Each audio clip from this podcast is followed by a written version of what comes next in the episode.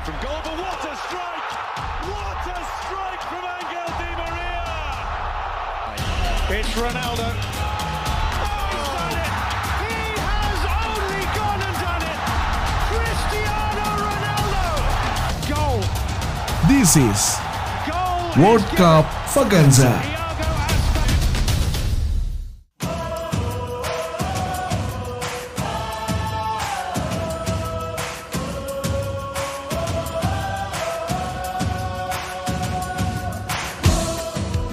Halo sobat bisnis, kita berjumpa lagi di World Cup Vaganza, dan kita menuju ke babak 16 besar nggak terasa. nggak terasa karena di sini sudah mulai terlihat tim-tim mana saja dan penuh dengan kejutan. Betul. Karena di fase grup ternyata banyak pemain-pemain ataupun eh, tim-tim yang tadinya tidak dikira bakal bersinar, baik itu pemain secara individual maupun tim, Hmm. tapi ternyata banyak juga yang membuat kejutan kayak Maroko, Jepang dan lain-lain. Tapi selain kejutan-kejutan dari eh, tim yang bermain di Piala Dunia, terus juga para pemain-pemainnya juga memberikan kejutan, ada hal lain nih yang nggak putus-putus dari awal digelarnya Piala Dunia 2022 ini, yaitu kontroversi. Sobat bisnis pasti setuju juga ya, karena ada kontroversi banyak banget dari awal mulai opening seremoninya eh, Piala Dunia sampai hari ini pun ada banyak banget kontroversi dan yang paling baru adalah saat pertandingan Maroko ya. Maroko menang lawan eh, Kanada dan Hmm. akhirnya ada bendera Palestina yang dibawa oleh pemain. Biasanya oleh penonton. Ya, Nah. sebelum-sebelumnya oleh penonton yang membawa eh, Ya, bendera tapi Palestina. sekarang oleh pemain.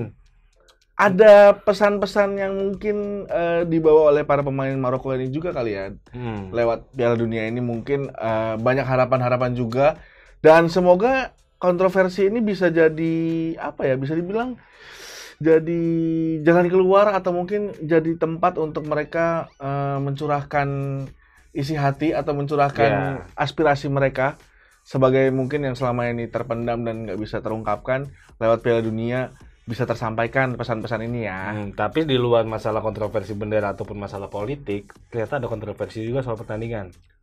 Ya, yaitu eh, permasalahan VAR yang bisa dibilang dari awal pertandingan juga ada yang diuntungkan, ada yang dirugikan. Ya kalau kita sebagai penonton sih, kalau saya ya, kalau saya sebagai penonton sih ngelihatnya ya lebih fair aja lah, udah pasrah ya, Lebih intinya fair. pasrah. Tapi lebih fair lagi kepada tim sih, karena kalau ta- kalau kita melihat tahun 2010 kayak golnya Lampard ke Jerman, Ya. itu kan masuk ya harusnya. Kalau dulu ada VAR, mungkin itu Inggris lolos. Ya, Eh, kan. Tapi ya kita kalau misalnya tapi-tapi nggak akan maju. Sekarang sudah ada teknologi. Kalau mau tahu ya, sebenarnya di VAR itu ada 12 kamera. khusus yang Khusus. mengawasi untuk eh bagian depan gawang ya.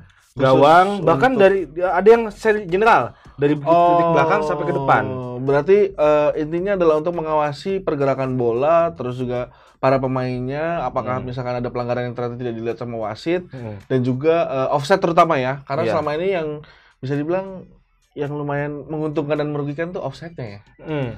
Kayak contohnya eh, offsetnya yang eh, pemain Kroasia kemarin, Ya. si Modric. Modric harusnya sudah menang penalti, tapi itu merugikan bagi Kroasia, tapi menguntungkan untuk Belgia. Jadinya mereka tidak kena hukuman penalti akhirnya. Tetapi ada yang paling kon- kontroversial dari VAR itu adalah soal gol dari Jepang. Jepang yang terbaru ya. Ya, Karena eh, banyak yang melihat dan lewat rekaman ulang kelihatannya itu bolanya sudah out. mm. tapi, Tapi- kalau dilihat secara eh, pakai teknologi VAR, Mm-mm. itu mungkin ini bola, ini bola ya. Ini tinggal sedikit doang nih dari garis, dikit aja. Jadi karena belum melewati sepenuhnya, akhirnya dianggap belum keluar dari lapangan dan bola Ya. juga masih mengambang. Betul, Iya. bolanya tidak jatuh ke tanah ya. Mm. Dan eh, pemain Jepang langsung nendang. Jadi akhirnya ya dianggapnya belum out. Tapi tahu nggak? Semuanya ini nggak cuma karena kamera. Karena ada apa? teknologi di dalam bola Alriha ini. Ada yang namanya chip. Ini kan bola dari Madiun nih, Ah. buatan Indonesia loh. Nah, di dalam itu ada chip yang memasang sensor yang memberikan sensor itu tanda ke eh, ruang VAR yang diisinya adalah asisten wasit segala macam yang memantau bahwa di situ siapa yang terkena bola, siapa yang eh, menendang, namanya segala macam itu tercatat semua di situ. Bahkan bolanya harus di-charge dulu. Bola di-charge ya. Oke oke oke oke. Berarti itu eh, menandakan kalau kita sudah ada di peradaban yang semakin maju ya Hmm. dengan menggunakan teknologi. Apakah akan menguntungkan pemain, tim atau penonton nih? Hmm, kayaknya menguntungkan bagi semua lah. Semoga semuanya merasa diuntungkan ya. Betul. Kita lanjut kalau tadi kita udah nyenggol soal 16 besar, kita langsung aja nih ke prediksi 16 besar di Piala Dunia kali ini karena ada beberapa tim yang bisa dibilang bukan underdog lah ya, tidak terprediksi untuk lolos Betul. masuk 16 besar, tapi ternyata performanya sangat bagus, sangat baik bahkan jadi juara di grup. Kita ngambil contoh ada Maroko dan Jepang. Maroko Hmm. sebelumnya kalah, Ya, ya kan? Dia tidak mendapatkan poin di awal, tetapi akhirnya di pertandingan kedua mereka berhasil melawan, eh, sorry, melibas eh, Belgia. Terus di pertandingan ketiga lawan Kanada dia berhasil menang dan akhirnya mereka juara grup. Padahal selama ini mereka nggak pernah juara grup. Begitu pula dengan Jepang. Di Jepang juga sama. Jepang ya memang di awal sudah mengejutkan. Ya. Tapi PHP di tengah-tengah tiba-tiba kalah gitu kan Ya, ya. ya. Dan akhirnya bisa menang lawan Spanyol dengan mungkin di Javu ya. 1-0 di babak pertama, dibalas. dibalas di babak kedua dengan 2-1. Wah, itu keren banget sih. Nah, kita langsung ke pertandingan 16 besar. Sa- Yang pertama ada Belanda melawan Amerika Serikat. Hmm. Walaupun Belanda bisa dibilang punya skuad yang starting line up-nya tuh oke punya ya dibanding Amerika Serikat, tapi kita nggak bisa nganggap remeh Amerika Serikat nih karena kem- kemarin performanya juga oke banget ya di grup ya. Bisa dibilang Amerika Serikat ini eh, terdorong dengan adanya bintang Hmm, seperti eh, Pulisic, terus ada Anthony Weah yang sebagai anak dari eh, George Weah yang sekarang jadi presiden.